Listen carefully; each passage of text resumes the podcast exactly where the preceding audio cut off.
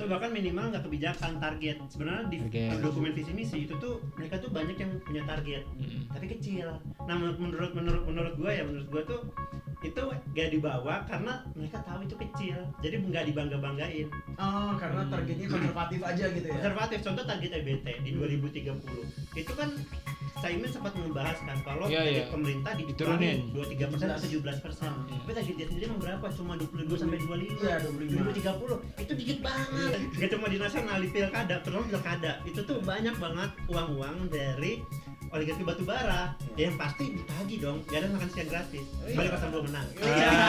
Karena kita, kita pasti ada influence yang ditanamkan Iya, makanya iya. sekarang transisi kita susah itu karena apa bukan gak ada duitnya dibilang gak ada duitnya terus tapi political willnya Mm-mm. orang pelaku pelaku industri fosil ada di pemerintahan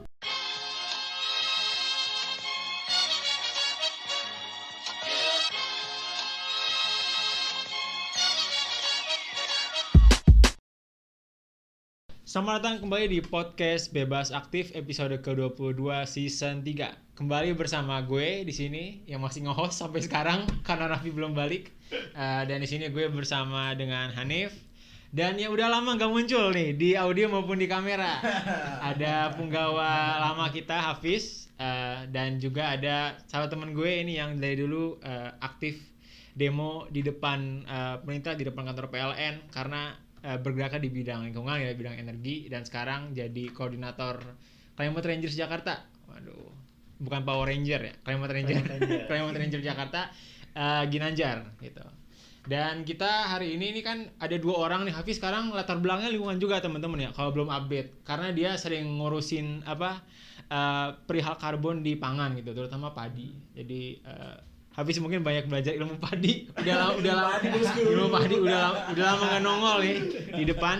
Eh, dan di sini kita akan ngebahas ya kemarin aja baru juga ngebahas pangan energi dan juga eh, soal lingkungan yakni debat keempat Masyarakat adat juga. masyarakat ada juga. Wah, Penting itu. penting penting ya. Eh, yakni debat keempat eh, pilpres atau debat kedua cawapres gitu ya yang kemarin eh, hari minggu baru saja dilakukan di eh, Senayan kemarin nah debatnya rame banget tuh kalau gue lihat sebenarnya karena n- ramenya bukan cuma rame secara isu tapi juga secara performa gitu tapi kira-kira bakal kita bahas lah dua-duanya di dalam podcast eh, hari ini tapi sebelum itu jangan lupa untuk eh, follow sosial media kontekstual di Instagram, Twitter, eh, dan juga jangan lupa dengarkan kita di Spotify dan YouTube.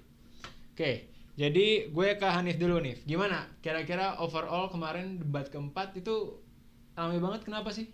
Game ya? Ya, Ya game, you know lah Karena dia karena dia, oh, karena anak muda itu ya? Iya, karena anak muda itu. Jadi kalau kita nonton itu debatnya Itu banyak banget hal-hal gimmick, hal-hal yang gak penting Kayak contohnya misalnya tiba-tiba menanyakan Emang boleh pakai catatan? Atau misalnya eh, pas dia ngomong, dia ngomong sama profesor hukum Dia ngomong, Waduh. mana nih jawabannya? Eh. Dia, Hmm. ngedepin profesor hukum yang edge indexnya 10 dan dia berani kayak gitu jadi orang-orang jadi pecah fokusnya debat Hmm, pun jadi oke. enggak eh, on point gitu banyak yang miss Oke, ya, ya, tapi di, di luar itu pun isu-isunya juga menarik gitu ya untuk kita Iya. bahas. Tapi, Heeh. tapi mungkin ke situnya dulu nih, apa dari performa umum debatnya. Nah, kalau menurut gue sih cukup banyak isu yang kebahas ya untungnya, nggak kayak debat ketiga gitu lebih lebih banyak marah-marahnya lagi gitu. tapi ini cukup banyak gimmick-gimmicknya aja gitu. Dan kalau kata beberapa orang, ini sebenarnya bukan debat, ini cuma konten buat TikTok, Benar. buat dimasukin di reels, buat gitu, buat eh, hal-hal seperti itu. Nah, kalau kira-kira sama pernyataan kayak gitu, lo setuju nggak, Fis? Em, singkat dulu ya. Singkat Setuju. dulu. Setuju. Setuju. Karena eh, ada buktinya. Ini kan dua hari setelah debat berarti ya, udah pas kita rekaman hari ini. Dan kita bisa lihat udah berapa countless lah video di TikTok, di Reels tentang dia yang dipotong cuman ngenyeknya aja gitu. Bagian gini doang ya. bagian gini doang, bagian ngingetin ak- apa eh, air mineral botol. Iya, itu doang. Jadi eh, dan yang substansi-substansi malah lebih banyak kita tontonnya di Twitter. Iya. kan? Benar, Eh, benar. Jadi ketahuan lah demografinya seperti apa dan eh, audiensnya kayak gimana. Jadi setuju sih. Tapi tapi sebentar dulu. Apakah itu sengaja atau enggak? Nah, Ah. itu itu gue sedikit 50-50 sih. Gitu, 50-50. Iya. 50-50 50-50 jadi bisa jadi emang tabiatnya aja kayak tabiatnya gitu. tabiat tengil gitu ya ya, ya bisa jadi Bisa bisa, jadi. bisa jadi memang sudah disiapkan oleh timnya Iya, Nah, iya. kita nggak kadang kan kalau kita tuh nggak paham sama isunya kita nggak kuasai kita sosokan pintar aja lah gitu Iya bisa juga Betul. bisa juga betul ya ya Eh, tapi kalau kemudian dari debatnya kan itu banyak yang kemudian konsisten dengan pembahasan di eh, ya tema seharusnya nggak karena kan banyak yang lagi-lagi misalnya bahas hilirisasi lagi Hmm. nah itu sesuai nggak sama lagi. sama tema lingkungan secara besar Hmm. gitu Jar sebenarnya kalau konteks hilirisasi ya itu kan kayaknya benar-benar trademark banget ya dari paslon 02 Iya. yang tapi sayangnya di situ kan itu bukan segalanya hilirisasi itu sementara kita Betul. tuh punya banyak permasalahan-permasalahan di hulu di lingkungan ya contohnya ada hilirisasi nikel bahkan hilirisasi nikel di Halmahera atau misalkan Rempang itu kan juga bentuk hilirisasi mineral Ya. tapi walaupun energi terbarukan di situ banyak banget masalah hulunya pelibatan dari pelibatan masyarakat dari Betul. kerusakan lingkungan yang terjadi itu udah sebenarnya banyak banget dari sebenarnya dibahas paslon lain tapi ya jangan gue hilirisasi hilirisasi terus Nah, nah, itu mentok terus tuh hilirisasi, hilirisasi Hmm. terus. Tapi kemudian banyak juga jawaban-jawabannya tuh kalau nyambung ke hilirisasi ya, kayak Hmm. eh, sangat menggampangkan gitu. Kayak misalnya kalau ada tambang ilegal, ya dicabut aja gitu AYUP-nya Iya. gitu. Emang solusi-solusinya segampang itu sebenarnya. Bahkan kalau konteks tambang ilegal itu Iya. langsung shock pertama kali dengar ya tambang Iya. ilegal kan definisinya tambang tidak berizin. Iya gitu kan. Ilegal. ya. dicabut izinnya yang cabut apa gitu. Iya. Kan kayak langsung gitu. Nah, Benar. tapi kalau misalkan kayak konteksnya itu kalau kita kemarin tuh kebetulan saya tuh ikut uh, nge-host juga nobar. Oh iya, Iya, gimana? nobar ini di Kopi Godok. Kopi godok. Iya, Oh, mantap. Oke. Dari situ banyak banget kita ngundang ber- be- beberapa organisasi lingkungan ya yang itu kebanyakan sepakat bahwa uh, di debat keempat ini sangat yang, yang sangat disayangkan adalah belum ada solusi-solusi yang spesifik. Terlalu banyak banget jargon selain gimmick ya. Gimmick yang dilakukan oleh 02 bahkan 103 tuh banyak jargon. Contoh 01 Setuju. banyak banget ngomong keadilan. Iya, oh, iya. itu benar. Semenit ngomong keadilan iya, Nggak mau. bagus. Enggak itu itu bagus. Prinsipnya tapi bagus. Iya, prinsipnya bagus, tapi keadilan seperti apa yang spesifik dalam bentuk kebijakan itu Betul. nggak terbahas. Betul. kalau yang itu yang soal tobat ekologis kan sempat tuh disinggung Ah, itu kan menarik. yang diomongin sama Paus Francis itu Iya. Laudato Si Nah, Cuman memang em, kalau kita melihat debat kemarin ya, walaupun banyak jargon ini eh, dari pandangan gue malah sedikit berbeda karena eh, setidaknya ada em, dikotomi yang jelas. hmm. Kita bisa ngelihat bahwa Gibran itu solusi eh, lingkungannya atau solusi sumber ya gak tau bisa dibilang solusi lingkungan atau enggak ya Iya. sebenarnya. Cuman intinya solusi hijaunya tuh eh, nabati gitu. Nabati. Ya, ya gitu ya. Nabati, Eh, nah. to put it lightly ya. Jadi Hmm. banyak hal-hal yang eh, akhirnya kita bisa lihat solusinya tidak ramah lingkungan sebenarnya, tapi bersih. Makanya ketika dia pakai istilah green jobs atau ketika dia pasti pakai istilah hijau itu nggak cocok. Hanya lebih bersih aja cenderung lebih bersih secara dari polusi ya. Ah. Tapi Oh. secara secara dampak eh, lingkungan itu sekarang kan kita ngomongnya ada dampak iklim, Hmm. ada dampak sosial, sustainability itu kan banyak aspeknya kan. Iya. Nah Iya. itu nggak ada sama sekali dari solusinya yang eh, eh, yang dicetuskan oleh Gibran bahwa akan ada sustainability di situ. Nah kalau di 03 eh, sustainability-nya kembali ke kearifan lokal, kalau 01 solusinya keadilan. Nah tapi memang jargon itu ada, tapi seenggaknya kita bisa punya dikotomi yang clear lah Hmm. dibanding pem- eh, sorry debat-debat sebelumnya. Eh, mirip-mirip kalau eh, kita ngelihat 03 sama 02 di Hmm. debat capres ketiga itu kan dikotominya agak berat. Nah kalau ini Iya, kelihatan iya, iya. eh, agak agak dikotominya agak mirip. Kalau Hmm. ini dikotominya lumayan kelihatan. Benar, benar, benar. Itu sih. Ya ya ya, tapi gue setuju kalau tadi kata Anjar kan eh, emang kebanyakan tuh ngomongnya prinsip-prinsip gitu kan atau abstraksi-abstraksi gitulah. Jadi kalau bicara proposal kebijakan tuh agak sedikit gitu. Iya. Kayak apa? 01 kebanyakan ngomong soal keadilan-keadilan yang bagus tapi implementasinya gimana gitu kan. Hmm. Terus yang 03 tuh kalau menurut gue kebanyakan ngomong soal pengalaman dia gitu. Iya, jadi di betul, jadi di. Menko Pol, iya saya di sana ngomong saya di sana mimpin rapat gitu loh. Saya di sana ngumpulin ada kasus 2500 tambang ilegal. Hmm. Ya oke, cuman kemudian gimana gitu kan? Nggak nggak banyak yang kemudian eh, diomongin apa dari sisi kebijakannya gitu. Terus juga nggak nggak nggak diserang gitu ya sama Gibran. Padahal kan dia lagi menjabat gitu Menkopol Iya, gitu ya. iya. Lucunya. Terus tanggung jawab dia gimana gitu? Iya gitu loh. 2005 dua- ada 2500 tambang ilegal. Gimana gitu kan? Iya, padahal- kan tugas Anda gitu loh. Konteksnya penegakan hukum loh. Benar, Tambang benar. ilegal dan dia bilang ada mafia Iya. collab sama pejabat lah. Tapi kan itu Pemerintah, iya, exactly. ini dia Iya. Um, Tapi biarin gitu aja. gue gue punya sedikit pandangan beda juga soal ini ya. Tadi kan ngomongin bahwa eh, belum teknis. Kalau karena menurutku debat ini tidak perlu teknis. Hmm. Hmm. Di level ini ya dengan dua menit, empat Hmm. menit Ya akan sih. akan terlalu berat juga untuk audiens karena kita harus mempertimbangkan audiens yang kompleks. Cuman Ya. memang eh, kalau kita tadi ngomongin soal ya apa mereka sebagai incumbent, Hmm. sebagai petahana terus kenapa mengkritik pemerintah ya itu Ya, memang ya, ya. itu agak lucu sih karena karena tiga-tiganya sebenarnya sekarang di pemerintah. Nah, ada ada tangan pemerintahnya. ada Wakil Ketua DPR, Menko Ah. Polhukam sama Wali Kota Solo aka anak Iya. presiden. Iya. Jadi gitu. exactly. Benar-benar. Ya nggak apa lah. Yang penting eh, kita nontonnya tetap asik. Emang agak-agak-agak apa ya? Debate esports gitu loh. Jadinya kita Benar, kita sorak-sorakin lama-lama. Tapi ya nggak apa-apa juga sih. Kalau ada pro- polisi proposal, kita senang soalnya kan kita pada polisi gigs di sini. Jadi kayak kebijakannya apa nih? Kebijakannya apa gitu kan? atau bahkan minimal nggak kebijakan target sebenarnya di Target. dokumen visi misi itu tuh mereka tuh banyak yang punya target Mm. tapi kecil nah men- menurut menurut menurut gue ya menurut gue tuh itu gak dibawa karena mereka tahu itu kecil jadi nggak dibangga banggain Oh, karena Hmm. targetnya konservatif aja gitu ya. konservatif contoh target EBT di Hmm. 2030 itu kan Caimin sempat membahas kan kalau Iya, target iya. pemerintah Diturunin. dikurangi 23 persen atau 17 persen Ah. Iya. tapi target dia sendiri emang berapa cuma 22 sampai 25 Iya, 25. 2030 itu dikit banget Iya benar benar. Iya. Bauran lagi ya. Iya. Bauran. Itu bukan bukan net zero atau misalnya berapa. Iya, benar. Iya, Iya, dan iya, itu iya. e- masih EBT lagi. Iya, masih Nah, dia- EBT. dan akal-akalnya pasti ada di energi barunya juga. Iya. istilah ya. Energi kan? baru. Iya, betul betul. Yang itu aja nggak sebenarnya bisa untuk kelihatan gitu gambaran dan ada di visi misi. Iya, iya, Tapi iya. kayaknya ada sengaja juga tuh nggak Ya. digembor-gemborin. yang penting di yang penting yang kena kritiknya aja dulu kan kritiknya Iya. pemerintahnya. Ya ya tapi jadinya kayak gitu. Kalau buat uh, energi. Nah mungkin kita geser dikit ke spesialisasinya Hafiz nih.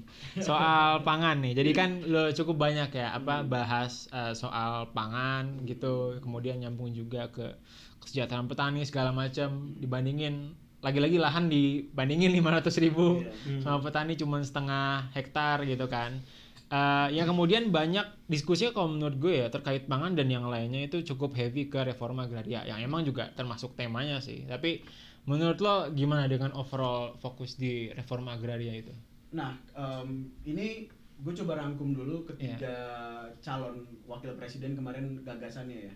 Em, kalau ngelihat Gibran em, di level pangan tuh selalu intensifikasi, ekstensifikasi. Berarti meningkatkan produktivitas. Nah, kalau meningkatkan produktivitas, kalau berkaca dengan masa pemerintah yang sekarang berarti dengan kimiawi. Hmm. Makanya ada namanya distribusi pupuk. Eh, sorry, Iya, eh, subsidi pupuk. Subsidi Subsidi pupuk. Nah, subsidi tapi subsidi pupuk itu em, pada pelaksanaannya itu sangat buruk, Hmm. sangat buruk. Kalau misalnya dari 100 petani, 20 petani bisa dapat pupuk yang bersubsidi aja bagus. Hmm. Jadi, akhirnya solusi organik ya di ini ini pun intended jadi ya, solusi organiknya dengan pupuk organik. Ah. Oke. Jadi eh, teman-teman eh, petani di bawah akhirnya punya cara sendiri dengan cari kompos eh, atau cari bahan-bahan eh, buah untuk Hmm. untuk bikin pupuk kompos sendiri atau eh, pupuk organik sendiri karena mereka nggak basically nggak punya pilihan pupuk lain. Iya, dan iya, pupuk non subsidi itu harganya mahal sekali. Nggak akan ketemu nggak akan untung eh, kalau misalnya mereka nggak pakai pupuk subsidi. Iya, jadi subsidi subsidi gak nyampe ke bawah nih hilang di tengah. Apa gimana? Mungkin 20% lah yang sampai ke lapangan ah 20 persen dan tantangannya adalah 20 persennya itu banyak ditemukan akhirnya dijual belikan lagi karena ada short supply Iya, iya, karena ada short iya. supply akhirnya gak jadi Jual. pupuk subsidi lah orang jadi mahal Iya, iya, demandnya iya. stable supply-nya short karena yang tadinya harus 100 dapat 100 jadi 20 dibagi buat 100 Hmm. oh, Iya kan? benar benar Iya kan? iya Nah, iya iya, iya. em, ya makanya sebenarnya ini old age ah, sorry apa eh, permasalahan dari masa lampau lah. old age problem. Iya, kita kita tahu bahwa eh, permasalahan selalu di administrasi, Hmm. di administrasi. Nah, tapi eh, tadi kita ngomongin Gibran soal produktivitas. Iya. Nah, kalau em, Mahfud dan Imin itu punya dua solusi lain nih, ya kan? Iya, iya. Hmm. Jadi eh, Mahfud punya strategi tadi Trihita Karana lah dia sebut, Iya. Iya. Eh, kembali ke alam, kembali ke Tuhan, ke itu itu jargon, sorry to say. Eh, meskipun Ganjarnya tampak seperti bapak petani ya, cocok image-nya image-nya cocok image-nya tuh eh, di Jawa Tengah seperti bapak petani banget. Jadi eh, menarik. Tapi aku kemarin, gue kemarin belum dapat em, arahnya ke mana. Kalau Imin em, sedikit banyak bicara soal eh, perbaikan tadi, perbaikan distribusi pupuk. Ada sedikit mention soal itu. Terus ada sedikit mention juga soal em, mengembalikan itu ke rakyat. Eh, maksudnya mengembalikan. eh, jadi solusinya bukan food estate ya gitu. Jadi ya, ya, oh, dikritik kita, juga kita itu invest ke uh, redistribusi tadi ya dengan lewat pupuk dengan segala macam. Jadi uh, ya basically standar uh, paradigma sosialisme lah di Iya, di- iya, dijelasin. sosialisme Indonesia Sosialisme biasa. Indonesia lah. Jadi ya itu itu itu tiga yang menarik. Gak ada yang bukan gak ada yang salah ya, tapi um, ya dipilih sendirilah. Oh, Oke, oke, oke. Apakah harus di redefine kalau kayak gitu? Apanya nih? Paradigmanya. Bisa jadi, bisa jadi atau kalau ngelihat survei sih kayaknya nggak perlu di, di refine ya. Karena agak agak ada yang peduli juga soalnya. Tangkip tadi nggak nonton gitu ya. Iya, Nggak ada yang peduli juga. Nggak populis. juga. Ya, iya. Oke, itu tadi rangkuman besarnya. Nah, tapi kalau eh, agak spesifik reforma agraria, kayaknya kan sempat dimention berapa kali ya, Nif ya? Apa eh, terkait misalnya ya masalah yang selama ini kayak udah masalah menahun gitu ya gimana kemudian ada konflik eh, tanah gitu antara ya emang dari petani dengan perusahaan atau dengan tipe tumpang tindih sama hutan dan lain sebagainya sama juga apa yang udah dilakukan eh, disebut sama Gibran itu kan apa sertifikasi gitu yang selama ini ngasih sertifikat bukan sertifikasi ya ngasih sertifikat yang dilakukan oleh Presiden Jokowi. Nah itu kan jawabannya cuma muter-muter di situ aja tuh. Iya. kalau dari ketiga calon itu menurut lo gimana Kalau menurut gue ya capresnya aja coba berapa tanah yang dia kuasai. ya ya itu udah di Ya. mention di itu Ya. berkali-kali kan Udah dimention dan kalau kita bicara di- digitalisasi, apakah internetnya sudah mumpuni? Apakah kemampuan sudah mumpuni di pedesaan itu? Mhm. Kan kita belum tentu tahu kan. Iya, iya. Nah, kemudian kalau kita berbicara soal RUU masyarakat adat, itu pun di dalam RUU-nya itu kita harus uh, mereform beberapa hal lagi. Masyarakat adat itu macam-macam. Ada yang tinggal di pesisir, ada yang tinggal di pantai, ada yang tinggal di pegunungan, Mhm. etc. etc. Kalau misalnya dari situ aja kita belum di, uh, diversifikasi, belum kita pakai konsep uh, ngasih pendelegasian ini harus gimana, harus gimana, harus gimana, Hmm, nah, itu harusnya disentuh sama Gibran. Oke. karena kalau kita lihat pada praktiknya banyak praktik eh, eh, pembangunan yang sangat developmentalis. Itu akhirnya mereka eh, memikirkan masyarakat adat dalam praktiknya Iya, iya, iya. iya. kayak contoh eh, misalnya kita food estate Hmm. itu kan banyak yang bilang ini masyarakat adat banyak yang tersingkir dan itu pun dipaksa untuk disingkir Hmm. begitu hutan udah dibabat mereka udah sakit hati ah ini hutannya tuh hutan yang suci buat kita Hmm. ini hutan yang harus kita jaga pasti dalam hatinya tuh udah terlanjur gimana gitu ya Iya, iya. ini yang yang lupa sama Gibran kalau kita lihat pun sertifikasi apakah sudah sesuai dengan apa yang dituju di awal bukankah itu harusnya dievaluasi lagi Iya, iya, iya, Iya, iya. kan? Benar-benar. Sertifikat kan kata Mahfud juga itu baru pemberian aja gitu kan, nggak ada Iya. yang di reform sebenarnya, cuman Iya. biar ada hitam di atas putih aja Iya. uh, dari itu. Dan emang kalau reforma agraria sih, gue nggak ngeliat sesuatu yang baru ya. Tapi Iya. menariknya itu gimana kemudian itu yang jadi fokus dari misalnya ketika mendiskusikan masalah pangan dan petani gitu kan misalnya eh, dari Caimin yang itu kelihatan kedengarannya populis gitu kan oh kita mau redistribusi lahan atau gimana meskipun nggak dibilang secara eksplisit itu ya Hmm. tapi kan implisitnya kayak akan ada keadilan lebih dari tanah gitu lah atau kayak gimana itu kan bidangnya Caimin kalau Itu kita lihat kan Caimin. partai Caimin PKB itu dari tahun ke tahun itu selalu pertama Kemendes. menteri desa Ya. itu Nah, terlalu PKB benar-benar ya ya cuman gue ngeliatnya gimana ya ini ya ini sedikit gue nih mungkin lo gue pengalaman barat apa gimana lah oh tapi btw sebelumnya Gibran tuh menurut gue solusinya tuh sentralitas banget gitu apa kayak kayak pejabat kayak staf sus presiden yang nggak pernah turun ke Iya, lapangan betul. betul ini digitalisasi cabut IUP segala macam itu kan solusi-solusi yang bisa dilakukan dari dari meja doang gitu ya Iya. digitalisasi cabut apa izin tapi nggak pernah ada di lapangan lah gitu emang digitalisasi bisa menyelesaikan atau gimana gitu Satu yang bikin gue ketawa banget. Apa? Dia ngomong IoT, dia ngomong pakai drone untuk Iya, nyebar pupuk pestisida. eh sorry ya pestisida. Mau tahu nggak petani kita Gimana? itu dalam tiga bulan masa tanam Hmm. yang satu hektar, satu hektar tuh bisa ngasilin 6 ton. Rata-rata Indonesia 5,4, tapi Hmm. 6 ton lah kita bilang. Iya iya.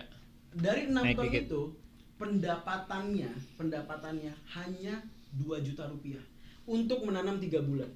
satu hektar itu sekitar tujuh petani. Hmm. Tu- tujuh petak. Oh iya, tujuh petak mungkin 14 petani kayak 2 juta terus mau tahu nggak drone. drone drone pestisida itu berapa gue pernah gue pernah gue pernah eh, ketemu sama salah satu pilot drone Hmm. di salah satu acara konferensi Brest itu lebih dari satu miliar Hmm. jadi siapa yang mau beliin dana desa aja nggak cukup Nah, saya nggak cukup. 5 M jadi doang. jadi exactly Eh, bener kata lo tadi ada ada permasalahan pemahaman lapangan di situ Iya.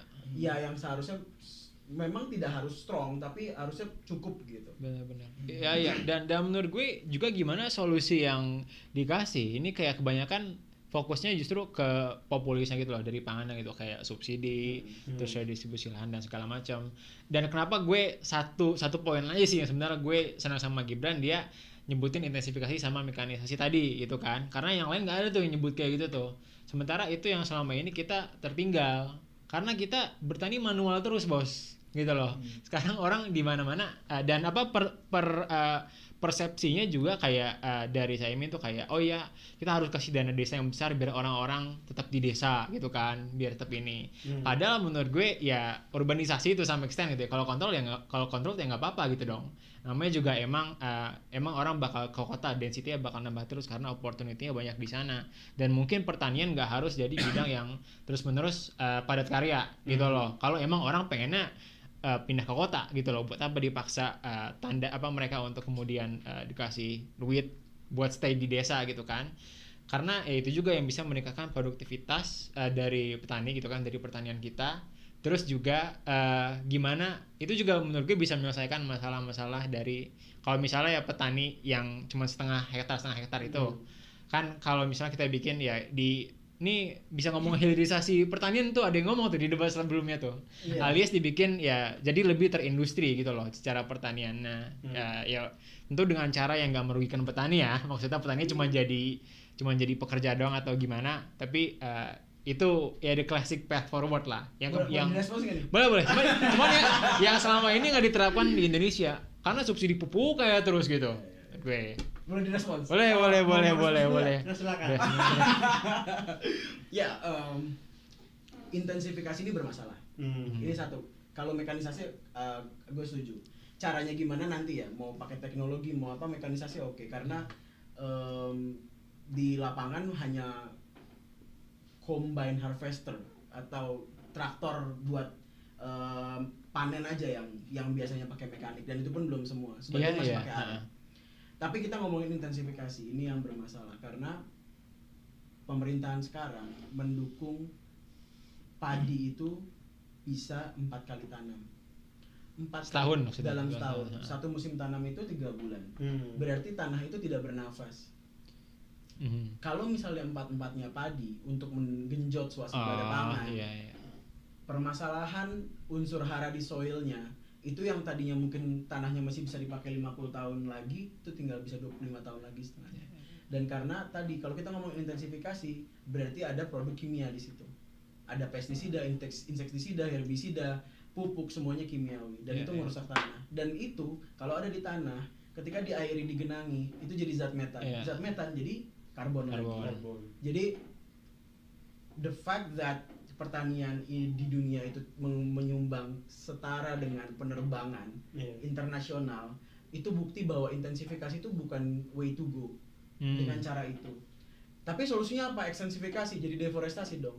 Ya enggak. Solusinya ya di- diversifikasi. Ya solusinya mungkin to some extent kita nggak perlu swasembada pangan.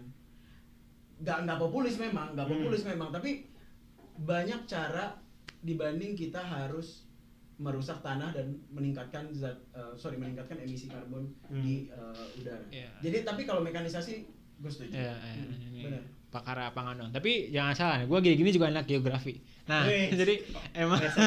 Iya. Jadi apa namanya? Ya, kalau yang dimaksud sama intensifikasi itu kan yang enggak nggak terbatas misalnya lu harus satu monokultur gitu loh padi Hmm. semua emang bebas saja tapi kalau secara developmental yang kita lihat gitu kan emang eh, apa namanya kenapa nggak terjadi seperti yang dibilang oleh Malthus gitu karena kita karena kita eh, yield dari pertanian dan gitu-gitu itu bisa naik terus gitu Iya. satu lewat mekanisasi satu lewat intensifikasi yang bisa macam-macam misalnya yieldnya lebih tinggi atau gimana gitulah caranya Hmm. yang jadi eh, masih bisa terus menerus kalau kita lihat grafik eh, yield dari per hektar itu kan masih naik terus gitu sampai sekarang jadi Iya. eh, maksud gue itu gitu yang bisa dikejar Eh, gue nggak terlalu Hmm. permasalahkan kalau misalnya lo mau ganti-ganti apa namanya eh, tanamannya Tanaman. atau mau pakai pupuk macam gimana tapi intinya dari satu ta- tanah yang ada itu tuh kita maksimalkan aja gitu prinsipnya seperti itu dan ya, kayak Gibran doang yang mention itu gitu jadi eh, Gibran kamu keren mungkin bisa jadi Lagi daftar LPDP. Iya. waduh dibuka ini ya ya ya Ikhlas, Kurang lebih- ikhlas. kurang-.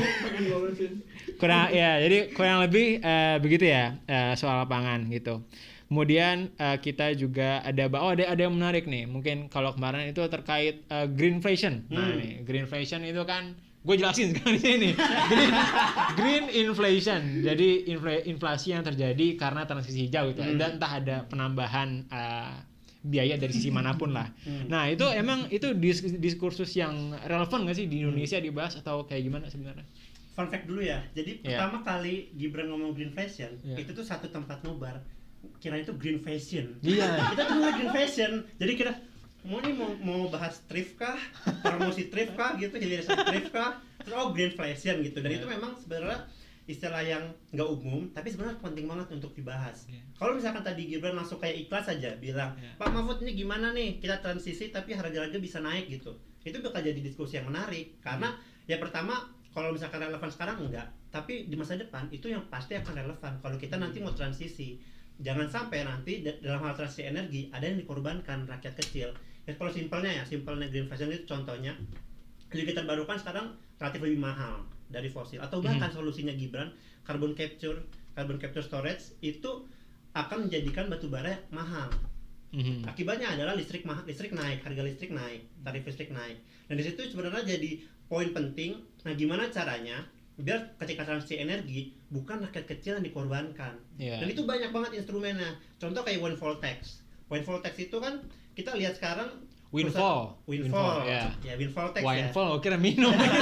Wine, windfall. Ya, lanjut. ya. Terima kasih. Ya. Ya, windfall tax itu kan memajaki dari keuntungan-keuntungan batu bara. Ya keuntungan batu bara kita sekarang fantastis. Keuntungan fosil lah, fosil Iya, secara luas. iya. Tapi keuntungan batu bara kita fantastis. Perusahaan batu bara itu tiap tahunnya itu mencetak rekor laba Iya, dari kegiatan iya. eksploitasinya. Dan menarik kalau misalkan ada yang ngebahas itu. Kayak kemarin Caimin sempat memajaki orang kaya. Iya. Jangan-jangan nih salah satu green fashion ada yang ngebawa kita pajakin nih ara- apa namanya pelaku Batu bara. batu bara, Iya, oligarki iya. batu bara. Sekarang kan malah di karpet merahin, Iya, ada royalti 0%, Ada royalti lah, 0%. segala macem. Tapi Yang kan- di situ sebenarnya menarik dan penting untuk dibahas. Gimana sih kita ngebiayai transisi transisi energi terbarukan tanpa no one leave behind. Nah, kemarin se- kayaknya semua paslon sempat ngomong ya. Ya. Itu prinsip penting, tapi sayang banget ketutup sama gimmick-gimmick aja. Hmm. Gitu. Tapi bukannya justru yang lu maksud itu yang jadi donornya si 02 ini? Ya, Wah. iya kan? Iya juga. Semuanya ada. Kayak kemarin tadi baru ada yang ngepost dah siapa itu. Dan kalau nggak salah tadi Greenpeace apa siang siapa itu ya? kan eh, udah di- udah menyatakan tuh grup-grup eh, Oh energi iya. Iya. Ah. yang yang pokoknya kalau di total tuh sepertiga yang menjalankan ekonomi Indonesia itu semuanya Iya, ngumpul iya. di belakang 02. Ada di berita. Ah. kita kita pakai biologi aja nggak mungkin dong mereka ngedonorin apa yang mereka punya lalu apa yang didapatkan malah merugikan Iya. Ya, ya, ya. Dan Oke. itu sebenarnya masalah menang setiap pilpres, nggak cuma Ini nggak daftar LPDP nih, nggak daftar LPDP. di pilkada itu tuh juga banyak Beasiswa biayai. Sampurna bayar nggak? Iya. Nggak, nggak. Nggak cuma di nasional di pilkada, terutama pilkada. Itu tuh banyak banget uang-uang dari oligarki batu bara Iya. yang pasti ditagi dong, nggak ada makan siang gratis. Iya. Kecuali pas belum menang. Iya. Karena kita, kita pasti ada influence yang ditanamkan. Iya, Makanya iya. sekarang transisi kita susah itu karena apa? Bukan nggak ada duitnya, dibilang nggak ada duitnya terus, tapi political will-nya. Mm-mm. Orang pelaku pelaku industri fosil ada di pemerintahan Em, Mm. tapi aku gue pengen balik dulu ke tadi soal greenflation ya karena Hmm, boleh. Tadi kan ada contoh dengan harga komoditas ya Ya. yang bisa em, domino ke hajat hidup orang banyak Hmm. sedangkan kalau dalam konteks Indonesia kita perlu tahu bahwa apa sih eh, komoditas apa yang paling men- mendorong inflasi di Indonesia? Hmm. Jawabannya satu, minyak, bensin. Hmm. Iya. Setiap bensin naik, harga semua langsung naik. Harga karena semua logistik pakai bensin Iya, atau iya. solar ya. Maksudnya eh, nah BBM BBM lah. Nah, eh, sebenarnya sedikit banyak itu sudah terjadi ketika kita mulai didorong untuk pakai pertalite. Iya. Instead of eh, ini kecil ya, tapi sebenarnya berapa juta orang yang terdampak dari itu. Iya. Instead of pakai eh, Premium, eh pakai Pertamax bukan premium dihapus. Hmm. Orang udah digeser Nah, dari pertalite yang masih bersubsidi ke Pertamax. Iya. Nah, sebenarnya juga bagian dari greenflation yang Iya. eh, banyak orang belum ngeh. Karena dalam transisi hijau berarti kan akan ada pengurangan subsidi Iya, terhadap hajat hidup orang banyak Iya. terutama di dalam tadi mengurangi dari pertalite ke pertamax sebenarnya kan Iya. itu bagian dari transisi menuju ke yang lebih hijau atau yang lebih bersih dulu lah kita ngomong Hmm. nggak bisa lebih hijau lah ke listrik Hmm. itu jadi memang eh, tapi gue mau yang mau gue sampaikan adalah kita perlu sadar juga bahwa it affects everyone Iya. Udah. Eh, in in skalanya mungkin berbeda-beda gitu Hmm. Hmm. Benar benar benar. Iya iya benar. Gua gua emang meskipun kalau menurut gue kalau perubahan apa eh, bahan bakar yang dulu pernah gue bikin thread juga sebenarnya itu eh, lebih ke politik anggaran tapi benar juga ada Iya. ada ada interseksinya dengan transisi hijau gitu kan. ke sana Iya, Iya. karena kan ya mungkin kurang juga karbonnya dan lain sebagainya. Dan itu jadi contoh nyata banget. Iya. Karena kalau gue sebelumnya mikirnya mungkin dari banyak transisi hijau itu belum termaterialisasi gitu loh di Indonesia gitu kan. Karena kita emang belum benar-benar jalan aja gitu. Tapi eh, ya itu satu concern yang perlu diperhatikan. Dan Gitu. kalau kemarin Tapi- tadi Gibran ngomong kayak tadi, Ya. BBM naik, harga pangan naik. Semua orang tuh ngerti, Iya. Orang tuh tahu, nggak Iya, perlu benar pakai ya, green ya. flag segala. Iya iya tahu iya. Benar benar benar. Nggak perlu ilmu ekonomi, semua orang karena udah langsung ngerasain. iya Hmm. BBM naik, harga naik. Iya. Nah, makanya ini malah hal yang bagus dia bisa ngangkat itu. Tapi ketika contohnya rompi kuning itu sayang Ah, banget sayang karena nggak relevan. Ya, ya, Coba ya. dia bawa pertalite Ya. dia bawa transisi ke arah wah itu Iya. Kalau keren banget. zaman Iya. SBY, BBM naik yang demo kan Iya. Baju merah. Baju merah. Baju kuning, baju merah. Coba kalau di Iya. baju merah. Tapi sekarang merah juga demo lagi loh. kan udah bukan pemerintah katanya. Ah, Bisa udah kita beda, udah beda. Kita siap-siap ya mungkin kerbau lagi nih. Waduh, kerbau lagi. Iya, em, iya makanya eh, kita kepekaan itu penting juga sih dalam Hmm. transisi eh, hijau dan each every one of us tuh udah affected sebenarnya. Hmm. Tinggal gimana pemerintah bisa soften the blow. Dan kalau ngomongin carbon tax kan ya balik lagi ya pasti pemilik pemilik bisnis. Nggak ada yang bahas karbon tax soalnya. Ada sempat carbon tax itu masuk di agendanya 01. Hmm. 01 Tapi dibahas carbon Iya. tax. di debat. nggak dibahas itu Ya. pas uh, pem- di segmen 2 yang pembangunan rendah karbon Ya. itu salah satu solusinya dia mau bawa carbon tax 01 Iya. Yang jelas-jelas itu pasti akan ya itu Iya. greenflation definitely akan ya tergantung lagi balik lagi sih gimana mereka me- menyiapkan Ya. policy untuk Ya, Garam nggak nggak kurang-kurang ngasih subsidi. Sekarang bansos turun semua tuh kan. tuh. Hmm. Oh, Tinggal yang, diatur aja yang ini. kemarin di Jawa Tengah itu ya. Ah iya, Baru cuma ya. Jawa Tengah doang, banyak. Kan katanya harus Jakarta terima Utara. kasih sama. Bapak Jokowi kan. Ya, Udah sampai situ aja ya. Ya, Saya masih sering ke Solo nih, aduh, Eh. takut. hati-hati lo mobil lo nih dihentiin. Kayak kita udah cukup banyak eh, bahasanya nih, tapi kalau kalau kira-kira ada yang mau ngasih apa overview nggak kira-kira dari keseluruhan komitmen terhadap eh, pembangunan berkelanjutan lah ya. Kita taruh dalam eh, payung pembangunan berkelanjutan. Kira-kira gimana dari debat capres ini? Eh debat cawapres ini. Ini. kalau ini ini ada kesimpulan kan ya Iya, kalau iya. 02 itu emang tadi sepakat semuanya tuh instrumen dilakukan oleh negara semuanya tuh terpusat semuanya dikuasai negara dan sebenarnya ini seharusnya pertanyaan transisi itu nggak cuma transisi beralih dari suatu energi A ke energi B tapi kita tuh sebenarnya perlu bertransisi juga paradigma pembangunan kita Aduh, itu iya. kalau energi sampai kan bahas carbon capture Ya. bahas tadi bioma segala macam itu kan terus dikuasai oleh negara Mhm. Padahal ada banyak banget energi-energi terbarukan itu sebenarnya bisa dikuasai oleh masyarakat. Paradigma itu sebenarnya yang nggak ada tuh di Gibran. Kemarin juga sempat bilang ya udah ini kita kita apa apa dijawab. Kita lihat nanti ada AMDAL, Iya. ada sustainability sustainability report. Ada itu prakteknya Iya. pertama udah dilemahkan UU Cipta Kerja, partisipasi masyarakat. Betul. Terus yang kedua itu tuh sekarang cuma sering jadi stempel doang Hmm. awal-awal doang udah stempel udah dapat habis itu pas prakteknya tuh suka Beradu sana sini Ah. di konflik-konflik sosial makanya itu nggak ada partisipasi partisipasi bermakna di masyarakat di 02 itu sangat-sangat kurang sementara kalau 01 kemarin ada yang bercanda 01 itu jubir NGO Jubir NGO. Salah. salah Gaya kata-kata- sih iya kata-kata yang dipakai itu tuh kata-kata NGO semua Iya, iya. etika Slogan-slogan keadilan, semua nih. keadilan iklim keadilan lingkungan itu tuh yang eh, tapi dan emang timnya kan banyak banget orang NGO-nya ya Oh iya, banyak kayak banyak banget Is it a bad thing? Hah? Is it a bad thing? enggak Enggak ya. Iya, berarti kan itu melibatkan masyarakat sipil Oke. dalam hal Bagus. ini kan konteksnya kan juga akademis kan, Hmm. dan itu banyak banyak eh, pelibatannya. Tapi ya tadi emang konsepnya dapat banget. Ini adalah soal soal keadilan, soal melibatkan masyarakat. Tapi yang tadi eh, karena sering ada sering ada uh, devil in the detail. Kalau di Hmm, 01 tuh iya, kalau iya, misalkan tanya teman-teman detail. kalau visi misi juga tuh banyak banget ininya di detailnya kayak tadi. Kalau lihat komitmen transisi energi wah itu bagus-bagus banget kata-katanya pemilihan diksinya. Tapi pas lihat targetnya itu tuh disumpetin tapi targetnya tuh 22 sampai 25 persen. Kecil banget. Net zero emission tetap 2060 Aha. terus NDC nggak dinaikin. Hmm. itu yang di detailnya. Dan kalau misalkan 03 kalau 03 03 itu menariknya jadi kemarin tuh kan ada ada apa namanya kata-kata ya kata yang paling sering ya hilirisasi 02 01 keadilan dan 03 tuh susah banyak yang susah eh, cari katanya karena tadi Pak Mahfud banyak bawa eh, Cerita-cerita pengalaman pengalaman, cerita-cerita. ya paling yang dikritik utamanya yang soal EBT tapi yang menurutku di 03 itu sama banyak banget normatif yang lalu-lalu.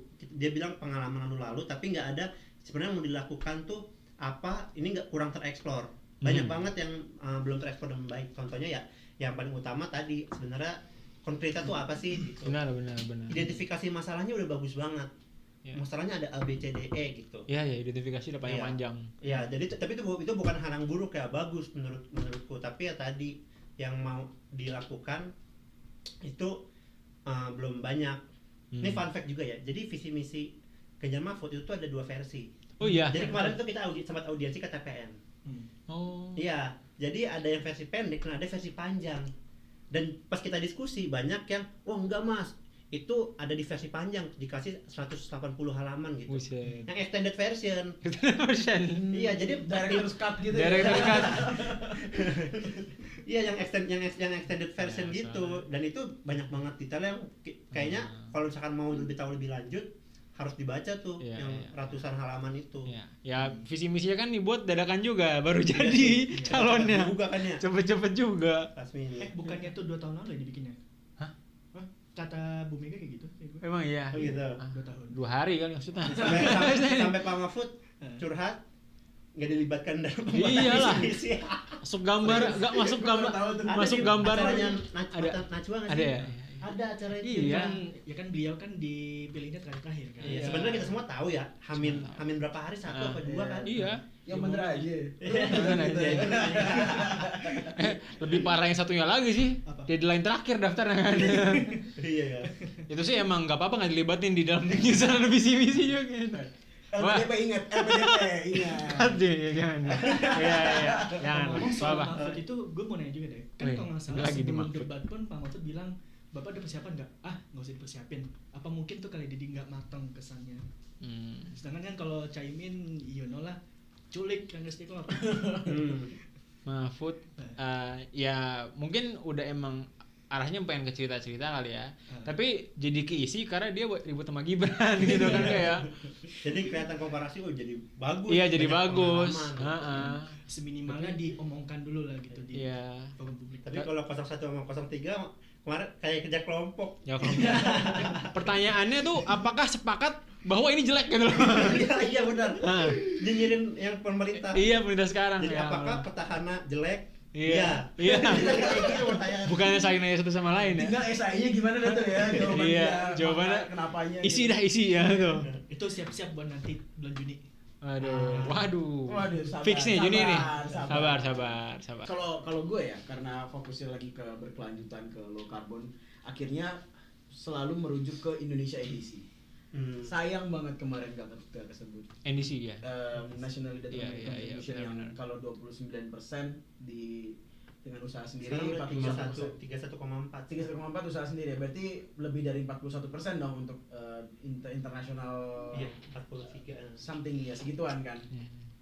berarti kan itu sebenarnya harusnya jadi acuan ya karena itu yang sebenarnya paling em, apa ya paling impactful Mhm. kita Wah. lah kita pengendalian iklim lah kita pengendalian iklim karena apa pun apa pun yang dilakukan Iya, iya, iya. apa pun yang dilakukan di tambang apa pun yang dilakukan di hutan di pertanian ujungnya ya karbon End itu iya. kalau karbonnya menurun ya krisis iklim bisa di reverse walaupun sekarang udah almost un- ya udah hampir nggak mungkin poinnya adalah sayang banget kemarin nggak kesentuh em, tapi paham kalau itu memang teknis banget dan mungkin eh, ranahnya ya nanti ketika di policy Iya. making di Hmm. Bapenas Ranah anak-anak ya. Bapenas. Hmm, anak-anak Bapenas jadi eh, let's see siapa pun yang menang terkait itu mudah-mudahan nggak di reverse mudah-mudahan nggak diturunin. Eh, Gila. ya makanya dan mudah-mudahan dipenuhi itu satu dan. Ya. kalau soal masyarakat adat em, penting banget sih untuk untuk bisa consult C- CSO soal itu Mhm. berapa rat bukan berapa ratus berapa puluh lah mungkin atau puluh misalnya jadi ratusan berapa ratus eh, CSO yang